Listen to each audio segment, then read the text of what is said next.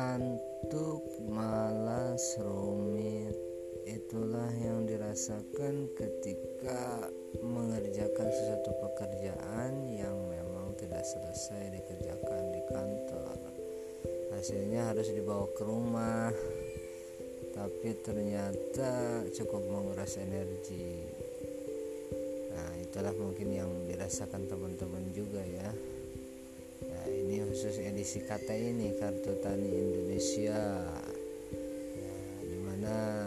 waktunya nih mepet untuk tanggal 29 tapi harus selesai.